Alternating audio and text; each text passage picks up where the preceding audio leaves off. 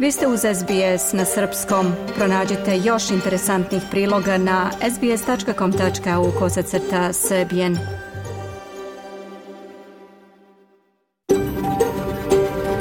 SBS, a world of difference. You're with SBS Serbian on mobile, online and on radio. Vi ste uz SBS na srpskom, na mobilnom, na internetu i na radiju.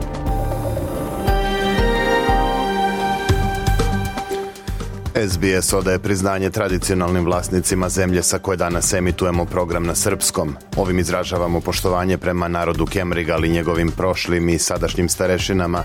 Također odajemo priznanje tradicionalnim vlasnicima zemlje i svih aboriđinskih naroda i naroda ostrva Toresovog Moreuza na čijoj zemlji slušate naš program. Dobar dan, danas je četvrtak, 2. novembar 2023. Ja sam Branko Cvetojević. U današnjem programu na srpskom donosimo niz aktuelnih i zanimljivih tema. Čućemo zbog čega među stanovništvom Australije opada poverenje u demokratiju i politički sistem. Biće više reći i o imenovanju Milojka Spajića za premijera Crne Gore koje je usledilo skoro tri meseca posle objavljivanja rezultata parlamentarnih izbora. O tema iz Srbije govorit ćemo o prvoj poseti srpskog patrijarha Argentini. Također saznaćete više o novom filmu Dragana Bjelogrlića Čuvari formule, koji se posle uspeha na međunarodnim festivalima prikazuje u bioskopima širom Srbije. U segmentu posvećenom nauci bavit ćemo se novim saznanjima o ključnim uzrocima izumiranja dinosaurusa i mnogih drugih životinskih i biljnih vrsta koje se dogodilo pre 66 miliona godina. Ostanite sa nama narednih sat vremena. Sledi pregled vesti.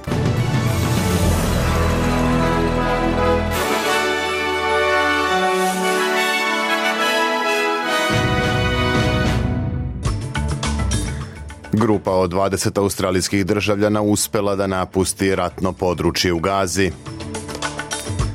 Amerika će podržati pravo Izraela da se brani, poručeno u oči susreta Blinkena i Netanjahua.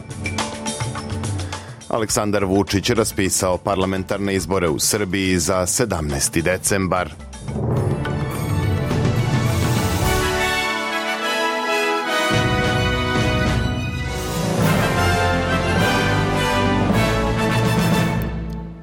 Grupa od 20 australijskih državljana uspela je da se sinoć evakuiše iz pojasa Gaze i da pređe u Egipat preko prelaza Rafa. Oni su izrazili zahvalnost svima koji su im pomogli da napuste ratnu zonu, a jedan od ljudi iz ove grupe opisao je situaciju u Gazi kao katastrofalnu. Ne mogu da opišem koliko je situacija užasna. Kroz nešto tako nikada nisam prošao, niti sam tako nešto doživeo. To je katastrofa, zverstvo, ako želite da ga nazovete i holokaustom, ali ovo je još gore, rekao je australijski državljanin uz komentar da mu je veoma drago što je uspeo da napusti gazu. Za to vreme ministarka spoljnih poslova Penny Wong kaže da za nju predstavlja veliko olakšanje što su australijski državljani uspeli da izađu iz područja sukoba.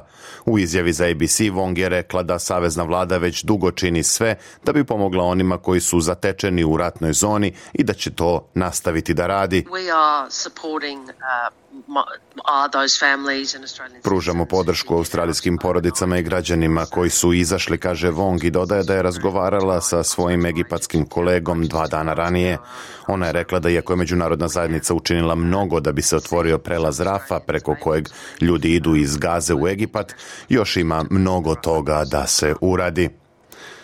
Zamenica lidera opozicije Susan Lee pohvalila je napore državnih diplomatskih službi u pomoći grupi od 20 australijanaca da pobegnu iz ratne zone u Gazi. Lee je u izjavi za ABC izrazila nadu da će još više australijskih državljana iskoristiti ovu priliku da se bezbedno vrate kući.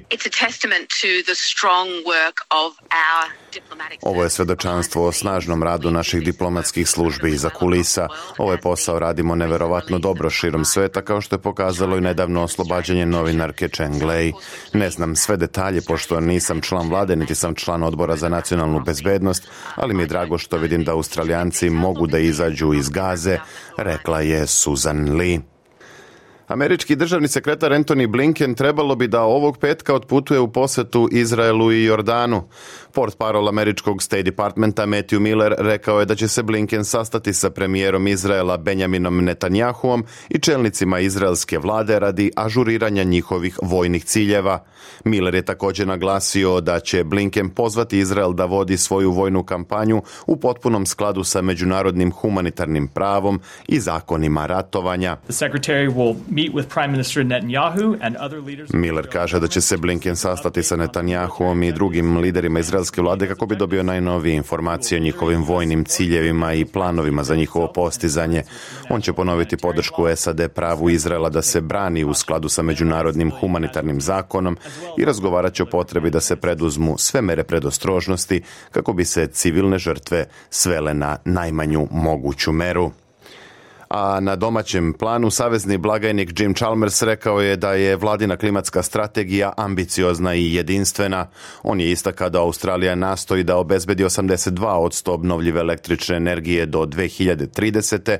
u pokušaju da postigne cilj postavljen Parijskim sporazumom o neto nultoj emisiji do 2050. godine.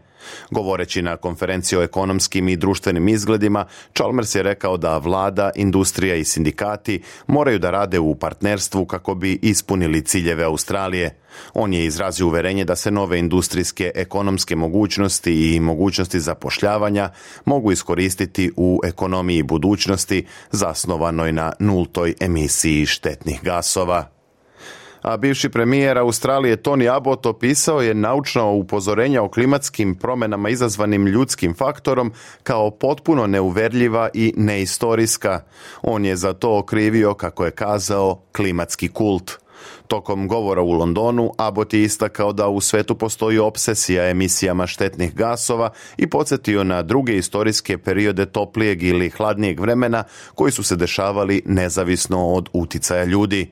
Abotov govor usledio je nedelju dana nakon što je grupa svetskih naučnika iznela upozorenje da 20 od 35 vitalnih znakova planete pokazuje rekordne ekstreme, pri čemu je jul ove godine bio najtopliji period u posljednjih 100.000 godina. Izvesni muškarac iz Melburna mogao bi da postane prva osoba koja će biti optužena po novom zakonu države Viktorija koji zabranjuje upotrebu nacističkih pozdrava i simbola. Policijski detektivi intervjuisali su 24-godišnjeg mladića posle navoda da je izveo zabranjeni gest ispred zgrade suda u Melbourneu prošlog petka. Policija kaže da se očekuje da će muškarac iz naselja Point Cook na zapadu Melburna biti optužen za kršenje novog zakona koji je stupio na snagu krajem prošlog meseca. A nova studija pokazuje da neki poslodavci u Australiji planiraju da smanje plate radnicima koji i dalje budu radili od kuće. Ovo je još jedan u nizu pokušaja da se ljudi vrate na svoja radna mesta. Prema izveštaju budućnost rada koji je objavila advokatska firma Herbert Smith Freehills, neke kompanije nude i razne podsticaje zaposlenima kako bi se vratili u kancelarije, ali ima i onih koji slede tvrdokorniji pristup. Gradonačelnik Perta Bazil Zempilas u izjavi za Kanal 7 se složio da ljudi moraju da se vrate na radna mesta. Zempilas kaže da je od uvek tvrdio da je najbolje mesto za svakog radnika na poslu. Možda tu i tamo malo ravnoteže između posla i privatnog života, ali ne da se svaki dan radi od kuće, pa čak ni dva dana u nedelji. Dođite na posao jer to je ono zbog čega ste u nekoj firmi, kaže Zempilas. Prelazimo na vesti iz Srbije i sveta. Predsjednik Srbije Aleksandar Vučić potpisao je ukaz kojim je raspustio Narodnu skupštinu i raspisao vanredne parlamentarne izbore za 17. decembar ove godine. Prethodno je predsjednik Narodne skupštine Vladimir Orlić raspisao izbore za odbornike skupština gradova i opština. Vučić je u obraćanju putem radiotelevizije Srbije poželeo građanima srećne izbore. On je također istakao i da je veoma važno da Srbija sačuva mir, stabilnost i unutrašnju koheziju, kao i da pokaže demokratičnost. Vučić je ranije izjavio i da je važno da izbori budu slobodni i demokratski, kako bi ljudi mogli da iskažu svoju slobodnu volju. Predsjednik Srbije je sinoć također potpisao podršku izbornoj listi svoje srpske napredne stranke. SNS je odmah po raspisivanju izbora počeo sa prikupljanjem neophodnih potpisa za listu Aleksandar Vučić, Srbija ne sme da stane. Prema zakonu o izboru narodnih poslanika, stranke i koalicije treba da podnesu izborne liste Republičkoj izbornoj komisiji najkasnije 20 dana pre dana glasanja, što je u ovom slučaju do 28. novembra. Za podnošenje izbornih lista potrebno je prikupiti 10.000 overenih potpisa građana koji podržavaju listu, dok je za manjinske stranke dovoljno 5.000 potpisa a predsjednik Socijalističke partije Srbije Ivica Dačić potpisao je koalicioni sporazum sa predsjednicima Jedinstvene Srbije Draganom Markovićem Palmom i predsjednikom Zelenih Srbije Ivanom Karićem. Ove tri stranke će zajednički nastupiti na izborima 17. decembra. Zajednička lista za parlamentarne izbore nosit će naziv Ivica Dačić premijer Srbije, a na beogradskim izborima Ivica Dačić premijer Srbije, Toma Fila gradonačelnik Beograda, saopšteno je iz Socijalističke partije Srbije. Proširenje je prioritet za Evropsku uniju, izjavio je izvestilac Evropskog parlamenta za Srbiju Vladimir Bilčik i dodao da je predsjednica Evropske komisije Ursula von der Leyen tokom posete Beogradu jasno poručila da EU želi da se Srbija pridruži tom bloku. Bilčik je istakao da je poruka von der Leyenove jasne, ali da Srbija mora da sprovede promene i ispuni određene stvari, posebno kada je reč o usklađivanju sa spoljnom politikom Unije. On je u izjavi za Guardian ocenio da je upućena vrlo jasna poruka Beogradu i Prištini o normalizaciji odnosa. Proširenje je glavni politički prioritet Unije, kakav do sada nismo vidjeli godinama, kazao je Bilčik. On je istakao i da je vreme posete von der Leyen od izuzetne važnosti i u tom kontekstu ukazao na najavu izbora u Srbiji i činjenicu da će proširenje biti glavno pitanje na dnevnom redu u Briselu sljedeće nedelje. Kao i mnoge zemlje u Europi, Nemačka se suočava sa manjkom kvalifikovanih radnika. Prošle godine manjak radne snage bio je najveći ikada. Institut za istraživanje zaposlenja pronašao je milion i 740 hiljada slobodnih radnih mesta širom Nemačke. U julu prošle godine nedostatak radne snage pogodio je gotovo polovinu ispitanih kompanija. Nemačka posebno traži kvalifikovane zanatlije, elektroinženjere, IT stručnjake, negovatelje, medicinske sestre i ugostitelje. U ovoj zemlji se nadaju da će praznine popuniti kvalifikovanim profesionalcima koji dolaze izvan Evropske unije. Iz tog razloga Nemačka vlada je najavila promene viznog režima, odnosno načina izdavanja radnih dozvola koji će olakšati dolazak kvalifikovanim radnicima u traženim strukama.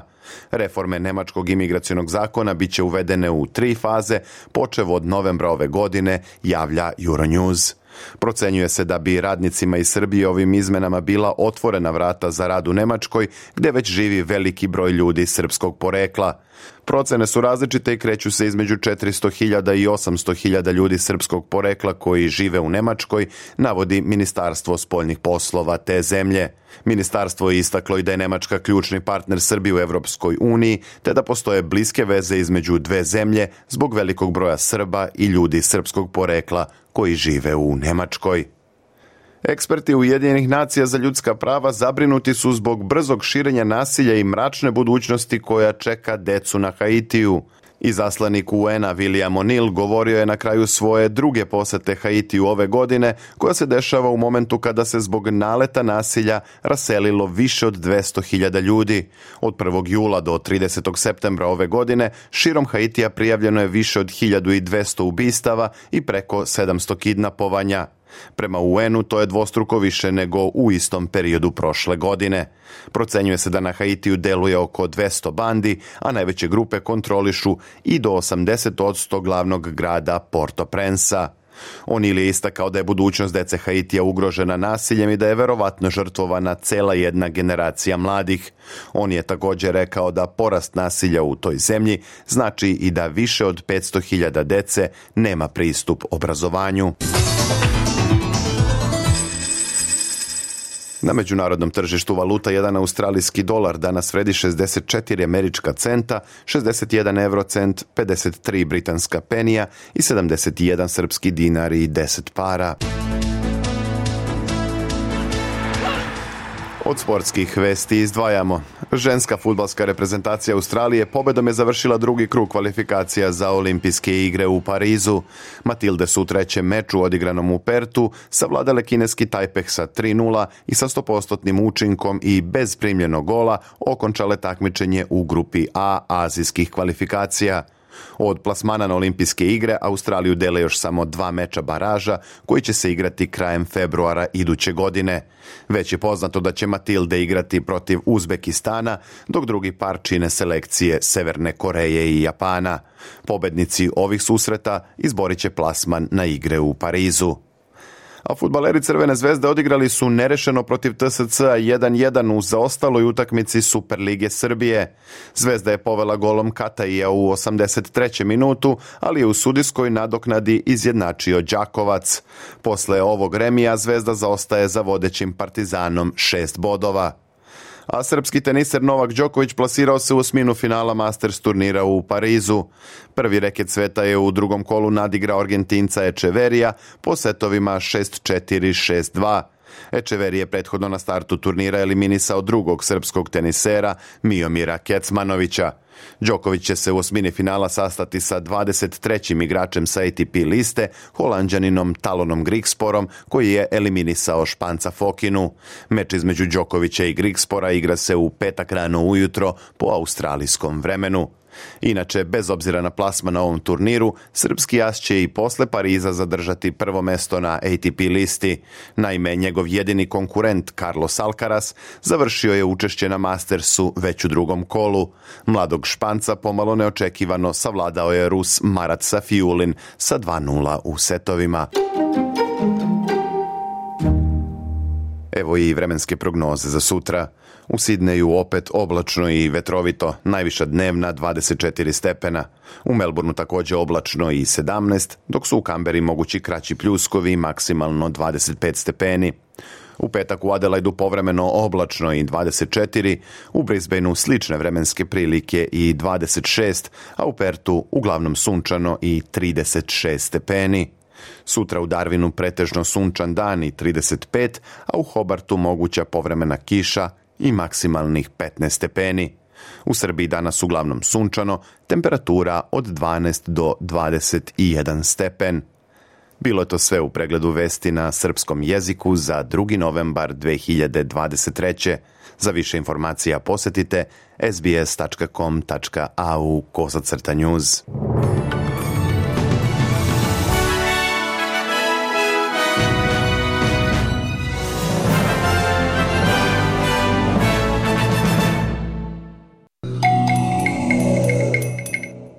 Slušate SBS na srpskom. Koliko su građani Australije zaista zadovoljni demokratijom koju imaju? Iako su poverenje u demokratiju i politički sistem i dalje visoki, nisu više na nivou onoga koje imaju naši indo-pacifički susedi.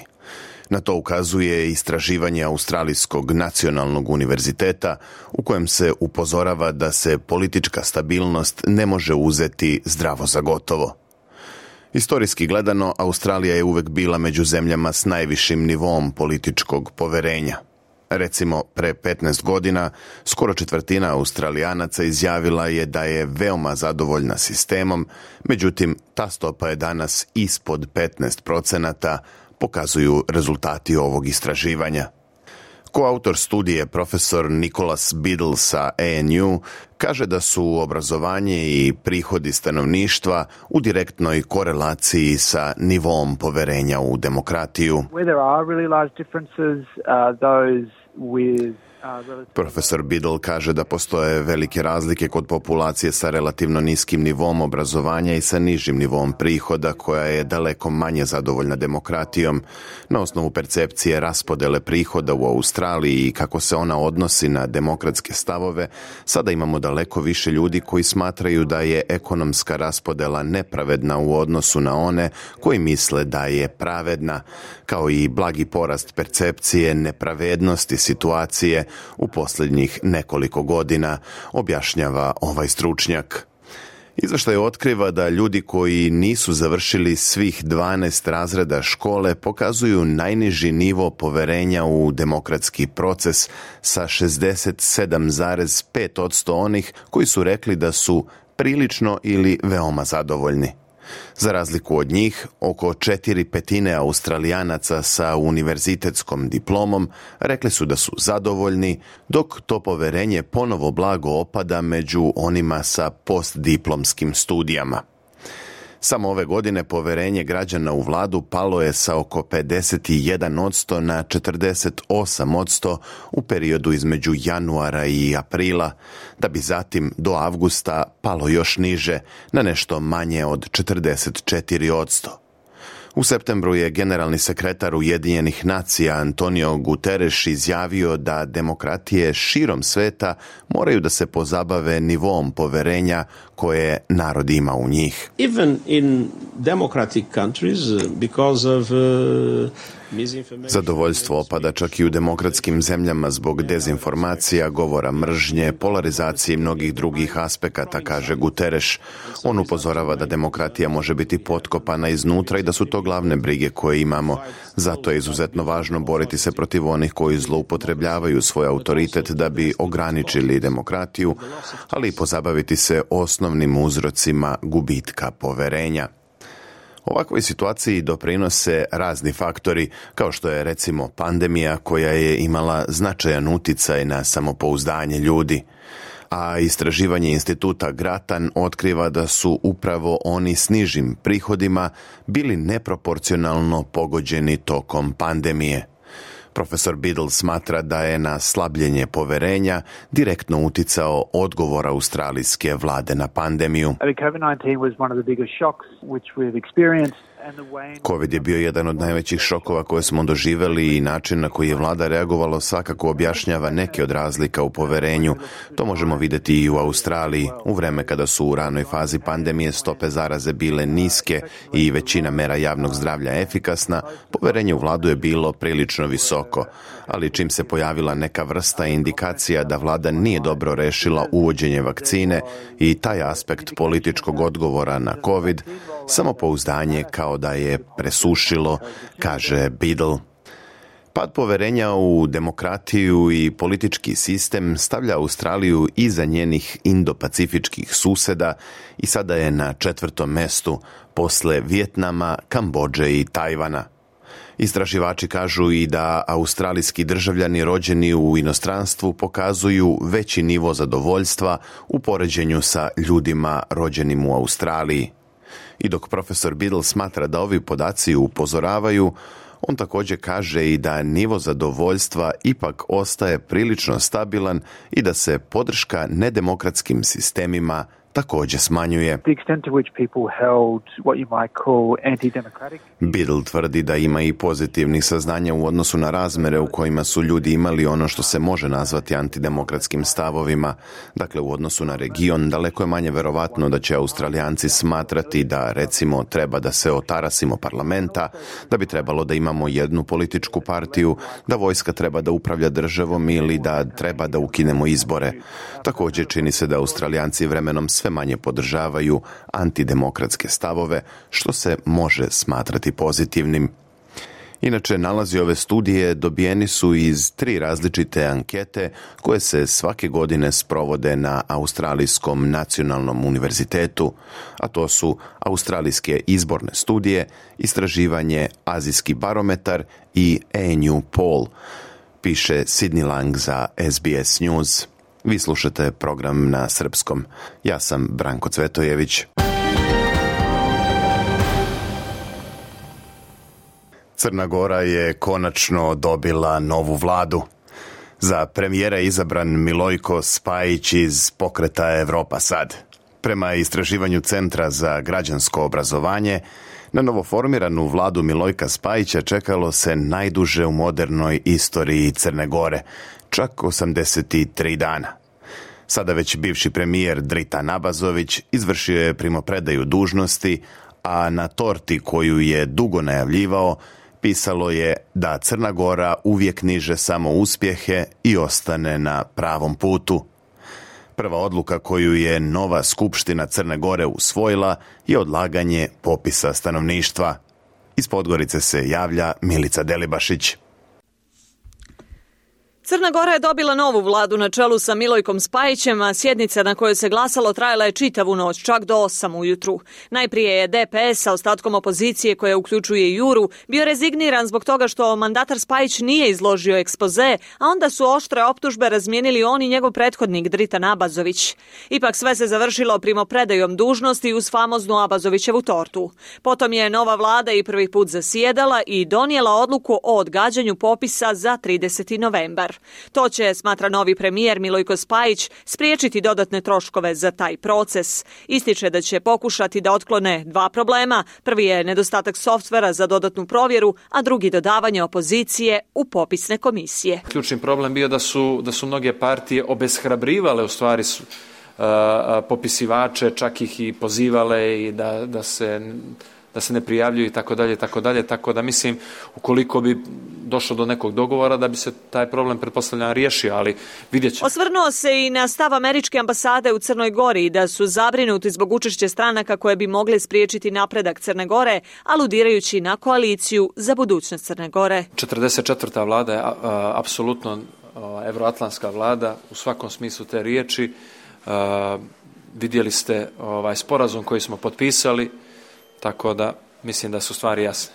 Mislim da, da i stvari koje smo izrekli verbalno, a ne koje smo potpisali, smo poštovali u prošlosti, tako da uh, napomenut ću za program Evropa sad jedan recimo i tako dalje i tako dalje. Sama najava i preskonferencija gdje smo rekli da će se desiti to, to i to i na kraju se sve izdešavalo kao što smo rekli. Spajić se nakon preuzimanja dužnosti prvo sastao sa predsjednicom Evropske komisije Ursulom von der Leyen koja je posjetila Podgoricu. Upitana da li će sarađivati sa novim predsjednikom Skupštine Andrijom Mandićem, poručila je da je Crna Gora slobodna država koja ima pravo da bira lidere institucija.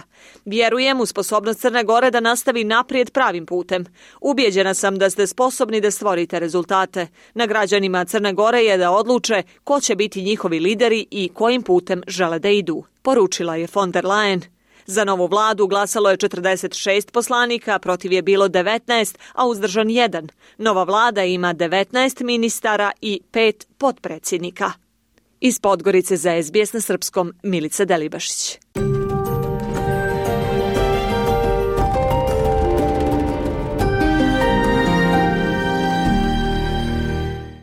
Patrijarh Srpske pravoslavne crkve Porfirije otputovao je u višednevnu posetu Argentini. U ovoj južnoameričkoj zemlji obići će eparhiju Buenos Airesku i južno-srednjoameričku, saopšteno je iz SPC. Danas u manastiru Svetog Save u Buenos Airesu biće služen svečani čin doksologije povodom dolaska patrijarha Porfirija, navodi se u saopštenju. Opširnije Hranislav Nikolić. Patrijarh Srpski Porfirije otputovao je u sredu u kanonsku posetu eparhiji Buenos Aireskoj i južno-srednjoameričkoj, tokom koje će se sastati sa najvišim zvaničnicima države Argentine, gradonačelnicima i guvernerima provincija, kardinalom Buenos Airesa i predstavnicima Srpske ambasade. Kako je saopštila Srpska pravoslavna crkva, svečani čin molitve povodom dolaska patrijarha u Argentinu biće upriličen u manastiru Svetog Save u Buenos Airesu. Zajedno sa svojim domaćinom, episkopom Buenos Aireskim i južno-srednjoameričkim Kirilom, Patrijarh i članovi njegove pratnje posetit će 4. novembra manastir Svetog Nikole u Mačagaju, a na kraju će osveštati hram Svete Trojice u Resistenci 5. novembra. Eparhija Buenos Airska i južno-srednjoamerička Srpske pravoslavne crkve osnovana je 2011. godine. Eparhija trenutno ima parohije i misije u Argentini, Brazilu, Čileu, Kolumbiji, Ekvadoru, Venecueli, Peru, Nikaragvi, Kostariki, Panami, Salvadoru, Dominikanskoj republici i Gvatemali. Ovo je prva poseta Argentini jednog srpskog patrijarha. Prema podacima Srpske pravoslavne crkve, u Buenos Airesu živi oko 5000 Srba, a u Argentini oko 10.000. a nekoliko dana u oči puta u Latinsku Ameriku, Patrijarh Porfirije održao je prvi put u Domu Studenski grad u Beogradu predavanje Razgovori o molitvi. U prepunoj velikoj sali studenti su s pažnjom slušali jednosatno predavanje srpskog patrijarha da bi ga na kraju dugotrajnim aplauzom pozdravili. Jer nije često da vladike Srpske pravoslavne crkve drže predavanja našim akademcima. Iz Beograda za SBS Hranislav Nikolić. SBS na srpskom. Podelimo priče na Facebook stranici.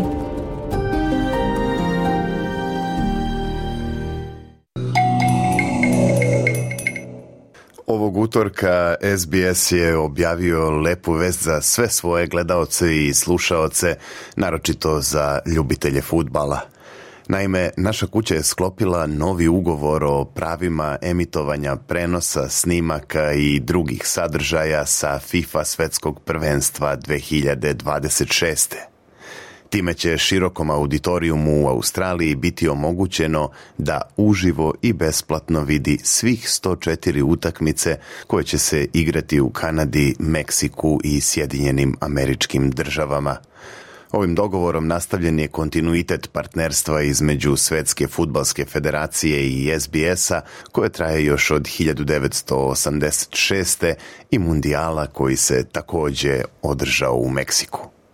Futbal je u SBS-ovom DNK, rekao je James Taylor, generalni direktor naše kuće. On je dodao i da je SBS dom futbala na australijskoj televiziji već skoro 40 godina i izrazio oduševljenje što može da najavi da će SBS 2026. prenositi turnir iz Severne Amerike na kojem će se po prvi put takmičiti 48 umjesto 32 nacionalna tima. Više ekipa znači i više mečeva i više gledalaca nego ikada ranije, kazao je James Taylor. Dakle, čak 104 utakmice sa narednog svetskog prvenstva, što uživo, što u skraćenim snimcima, moći ćete da gledate ekskluzivno i besplatno na programima SBS-a tokom juna i jula 2026.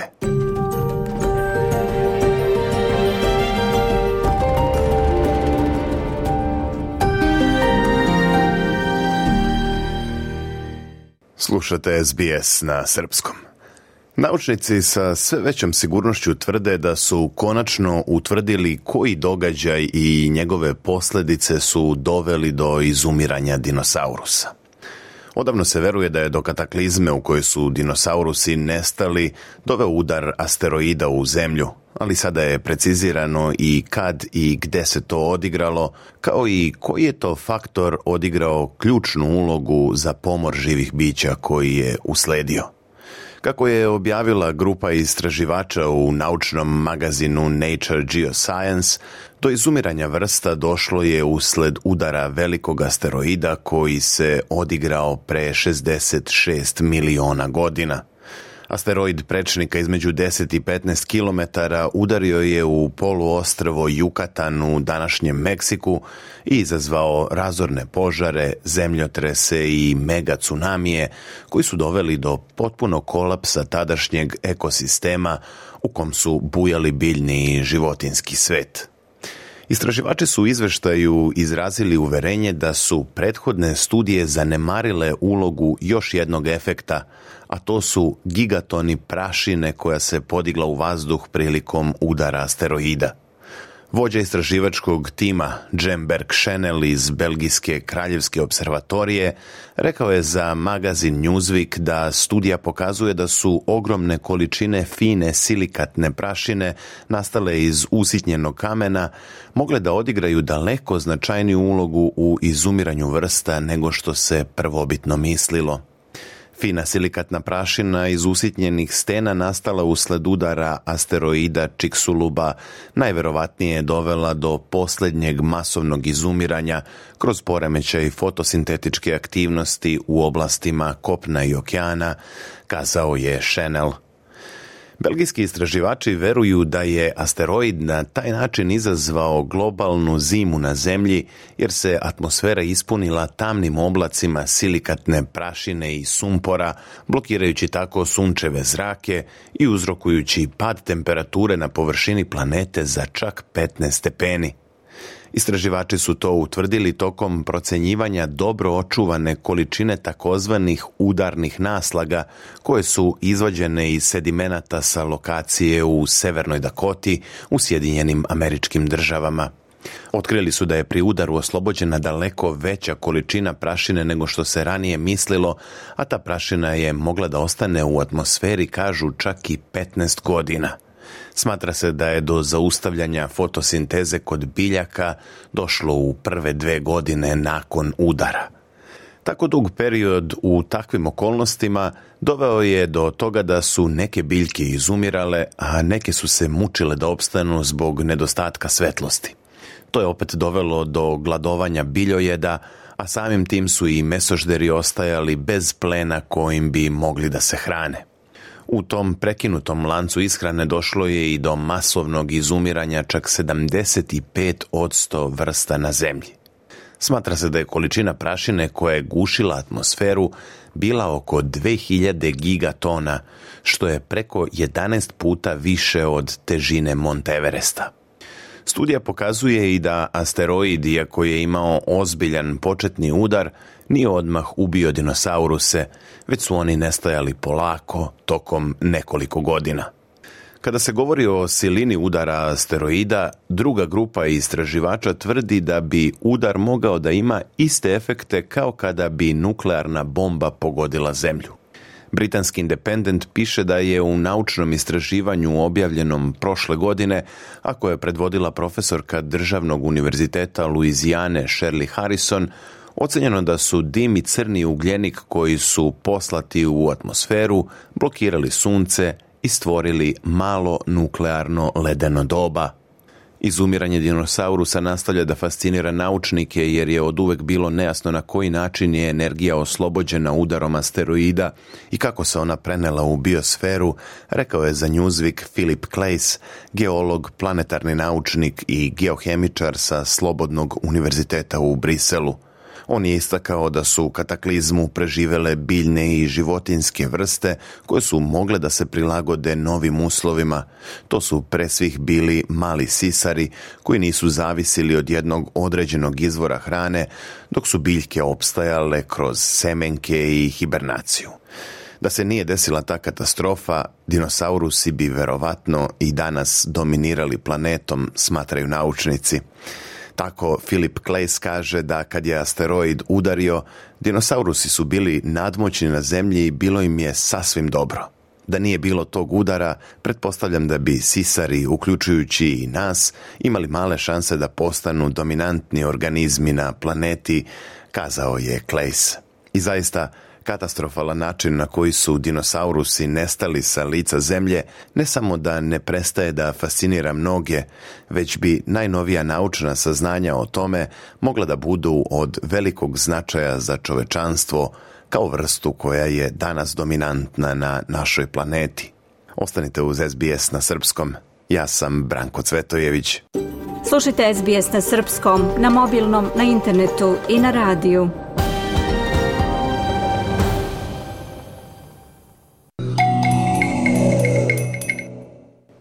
Slušate SBS na srpskom. Posle uspeha na međunarodnim festivalima, novi film Dragana Bjelogrlića Čuvari formule premijerno je prikazan u Beogradu 24. oktobra. Kako javlja naš dopisnik Hranislav Nikolić, ovaj film ovih dana puni bioskopske sale širom Srbije. Da čujemo. Od 26. oktobra u svim bioskopima u Srbiji prikazuje se film Dragana Bjelogrlića Čuvari formule. Dva dana ranije u MTS dvorani, nekadašnji dom sindikata, održana je beogradska premijera ovog filma crvenim tepihom stvarajući spektakularnu atmosferu dostojnu hollywoodske premijere, prošetali su reditelj Dragan Bjelogrlić, glumci Radivoje Bukvić, Ognjen Mićević, Alisa Radaković i drugi. Posle velikih uspeha na međunarodnim festivalima u Lokarnu i Sarajevu, film Dragana Bjelogrlića doživao je ovacije u prestonici Srbije. Film je nastao po istinitom događaju, odnosno kao adaptacija knjige Gorana Milšinovića Slučaj Vinča. Scenariju za film uradio je Vuk Ršumović. Reč je o nuklearnom akcidentu 1958. godine u tek osnovanom institutu u Vinči kod Beograda, kada je ozračeno 10 naučnika ovog instituta. Međutim, u tadašnjoj Jugoslaviji mediji nisu smeli da pišu o ovoj nesreći, ali je činjenica da je postojao tajni projekat da komunistička Jugoslavija napravi atomsku bombu kako bi poboljšala svoj međunarodni položaj. Jugoslovenska tajna policija odvodi ozračene na lečenje u kliniku Kiri u Parizu, gde je dr. Georges Mate, koga igra francuski glumac Alexis Manenti, predlaže da se prvi put u istoriji izvede delikatna i neizvesna zamena koštane srži ozračenih pacijenata. A u oči Beogradske premijere reditelj Dragan Bjelogradić je održao konferenciju za medije. On je na toj konferenciji rekao novinarima da je najjednostavniji opis čuvara formule drama sa elementima trilera i misterije. Mislim da bi to bio možda nekako najjednostavniji opis filma. On jeste različit od svega što sam ja do sad radio i za mene nije u stvari bio najteži uh, posao to što je on rađen po istinitom događaju i uh, sve to što je okruživalo to, to, je, to smo nekako savladali i savlađivali u fazi scenarija. Ono što je meni bio najveći uh, problem i ovo je sigurno sa te strane najteži film koji sam do sad radio, bilo je kako da s jedne strane uh, u jednom malom prostoru, jer veliki deo ovoga filma se dešava u jednom malom klaustrofobičnom prostoru u bolnici, kako imati tu dinamiku, kako da imamo tenziju, kako da film ne bude dosadan, kako da ispričamo sve te odnose u tako jednom malom ambijentu i malom prostoru. I to je dosta veliki, težak rediteljski zadatak. I drugi, možda još teži je bio kako da nekoliko nivoa priče koju ima ovaj film, a to je, ne znam, priča o pravljenju atomske bombe, politička priča, priča o tajnim službama, onda priča o nauci, priča o dva naučnika i onda priča o humanosti. Kako sve to da se slije u jednu priču. I to je u stvari bio od početka najveći i najteži zadatak od pisanja scenarija, rada samog snimanja, rada sa glumcima i e, rada na setu, pa do faze montaže. O glumačkoj ekipi reditelj je rekao ništa sve, ja bih mogao da radim šta god hoću, ali bez glumaca a, koji su potpuno u tim likovima, koji žive te likove, koji su eto bili spremni da budu na strogim dijetama, da se šišaju, da žive tih tri meseca a, te svoje likove, ovo ne bi uspelo i to je, mislim, jedan najveći možda uspeh svih nas da smo uspeli da napravimo. To se obično dešava u teatru ljudi rade tri meseca neku predstavu, postanu jedan tim, postanu porodica i onda izađu na scenu. E, ja mislim da smo mi upravo tako radili ovaj film. Imali smo strane glumce i to sam imao ogromnu sreću i zahvalan sam Aleksisu Manentiju koji mi je pomagao da dođem do pravih, ne samo pravih glumaca, nego do pravih tipova, pravih ljudi. I oni su bili, tako su se dobro uklopili u ovu celu ekipu, obožavaju Beograd, svi sa nestrpljenjem čekaju Beogradsku premijeru, doći će sa radošću, tako da stvarno smo imali, uvek mora malo da se ima i sreće. Upitan da li će biti i TV serije, Bjelogrlić je pojasnio. Pa nećemo raditi seriju, iako bi mogli, moj stav je bio da ne želim da radim serije, e, više nikada da radim i film i seriju, mislim da je to prosto za, za autora jedna vrsta pakla i neophodni vuče ka kompromisima koji nisu dobri pre svega za film. Tako da uz svu žal što ovaj, sam bacio skoro 40 minuta jako dobrog materijala, možda jednog dana napravimo neku director's cut, neku dužu verziju. Iz Beograda za SBS Hranislav Nikolić.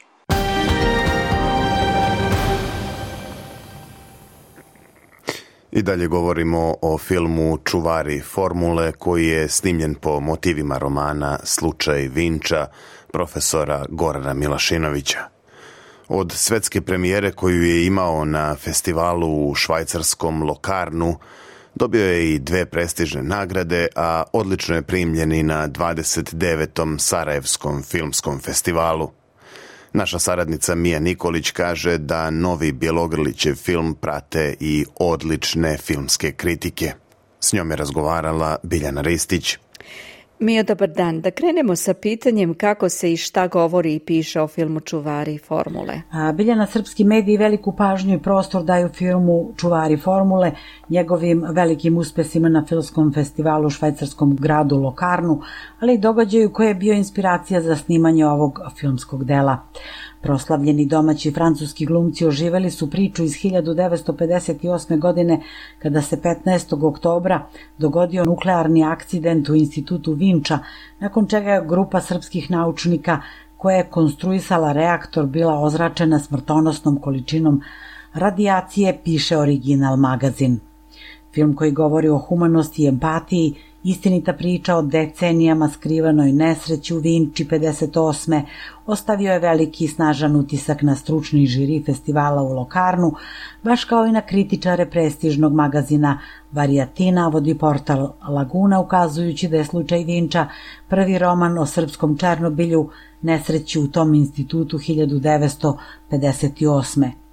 Da li ste znali da je prva transplantacija koštane srži obavljena na ozračenim jugoslovenskim naučnicima koji su se lečili u Parizu, beleži Beogradski danas.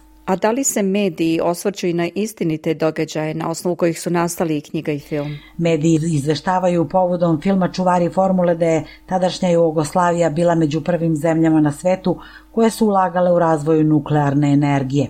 U sklopu jugoslovenskog nuklearnog sna u Vinči je 30. aprila 1958. instaliran prvi nuklearni reaktor.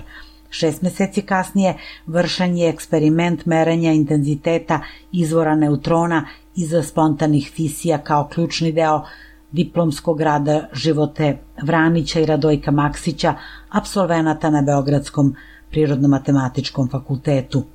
U objekat su pored njih ušli i četvoro mladih tehničkih saradnika – Kad su primetili da je zračenje i suviše veliko, prekinuli su eksperiment. Nijedan od instrumenta za aktiviranje alarma ili automatsku kontrolu reaktora nije bio u funkciji, nikada nije utvrđeno ko je za to odgovoran. Zahvaljujući brzoj reakciji i akademskim vezama profesora doktora Pavla Savića, kasnije predsednika Srpske akademije nauka i umetnosti, osnivača i prvog direktora instituta u Vinči Boris Kidrić, Ozračeni atomisti su hitno prebačeni u Parisku bolnicu Curie, jedinu instituciju na svetu koja je u to vreme imala iskustvo u lečenju osoba izloženih prekomernim dozama radijacije. Naši atomisti su u prvih mesec dana lečenja bili u veoma lošem stanju, u trenutku kad se njihovi gotovo nepostojeći imuniteti bore i sa novim infekcijama, oštećenjem DNK praćenim odumiranjem ćelija, dr. Georges Mate predlaže proceduru koja će postati sinonim za revolucionarni poduhvat u istoriji humane medicine, piše original magazin. Rizik je bio veliki za pacijente, ali i za potencijalne donore, jer je bila nepoznanica kako će njihov imunni sistem reagovati na vađenje koštane srži. Pet Parižana, među kojima i mlada majka četvoro dece, 11. novembra 1958. postali su prvi davaoci koštane srži, a Radojko Maksić prvi čovek na svetu koji je koštanu srž na izgled uspešno primio. Kod Živote Vranića transplantacija nije uspela, on je preminuo pet dana nakon transfuzija, mesec dana nakon akcidenta u Vinči. Živorad Blagojević se brzo oporavljao i bez potrebe za transplantacijom, a Rosanda Dangubić, Draško Grujić i Stijepo Hajduković su uspešno primili koštanu srž od još troje Parižana. Naknadne analize su pokazale da transplantacija kod naših četvoro atomista zvanično nije uspela, ali se njihovo stanje stabilno popravljalo izvesno usled brze reakcije leukocita iz donirane koštane srži. Mija, da li je ovo jedino filmsko ostvarenje do sada koje se bavi tematikom nesreće u Vinči 1958 i zašto se o njoj toliko dugo čutalo? Slučajem u svetu poznatim kao Vinča akcident pre deseta godina bavio se i dokumentarni film Diploma za životu posvećena životi Vraniću, a projekciji je prisustvovao i Radojko Maksić, jedini do danas preživeli svedok tog događaja. Na pitanje zbog čega se tako dugo o tome čutalo, rekao je, šta da vam kažem, čutalo se, takvo je bilo vreme. Međutim, Stijepo Hajduković u tekstu svedog događaja koji je prema njegovoj želji objavljen posthumno 1997. napisao je da reaktor u Vinči T-58 nije imao dozvolu za rad niti je bio dovoljno bezbedan. Čutanje o akcidentu je objasnio porukom koju je akterima uputio Aleksandar Leka Ranković. Da bi svako objavljivanje bilo kakvih podataka o tome štetilo ugledu Jugoslavije i da bi se to smatralo kao neprijateljski akt. Nakon višedecenijskog izbegavanja teme radijacije u Vinči, kardiohirurgu profesoru doktoru Goranu Milašinoviću je pošlo za rukom da priču o srpskom Černobilju ispriča efektno i sa mnogo detalja. Ovu jedinstvenu priču kao scenaristi potpisuju Vuk Ršumović uz Ognjena Sviličića i Dragana Bjelogrlića koji je i reditelj ovog dela, ali i filmski nosilac lika šefa državne bezbednosti SFRJ Aleksandra Leke Rankovića, nekadašnjeg svemoćnog Titovog saradnika, osnivača Udbe, čiji je pritisak navodno doprineo katastrofi u Vinči. U naslovnim ulogama igraju Radivoje Raša Bukvić kao i proslavljeni francuski glumci Alexis Maneti, Olivier Barthelemy, Anse Ra, direktora instituta Vinča Pavla Savića, igra Predrag Miki Manojlović, a uloge mladih jugoslovenskih naučnika reditelj Dragan Bijelogrlić dodelio je Jovanu Jovanoviću, Alisi Radaković i Ognjanu Mićoviću. Sudbine obolelih, ljubav između jedne pacijentkinje i jednog francuskog lekara i sklapanje prijateljstava odvijaju se daleko od očiju javnosti, čemu doprinose i politički pritisci. Studio Hvala Mija. Bila je to naša saradnica iz Srbije, Mija Nikolić. Ja sam Biljana Ristić.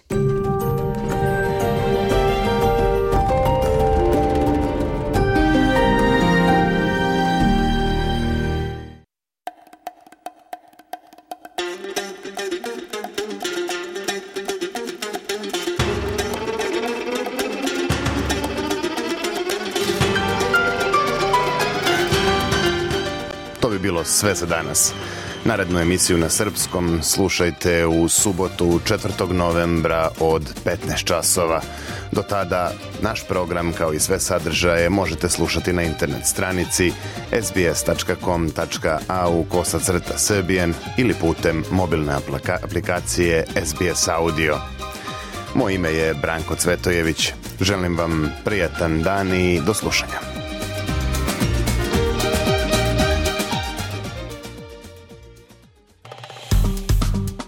Dajte like, podelite, komentarišite.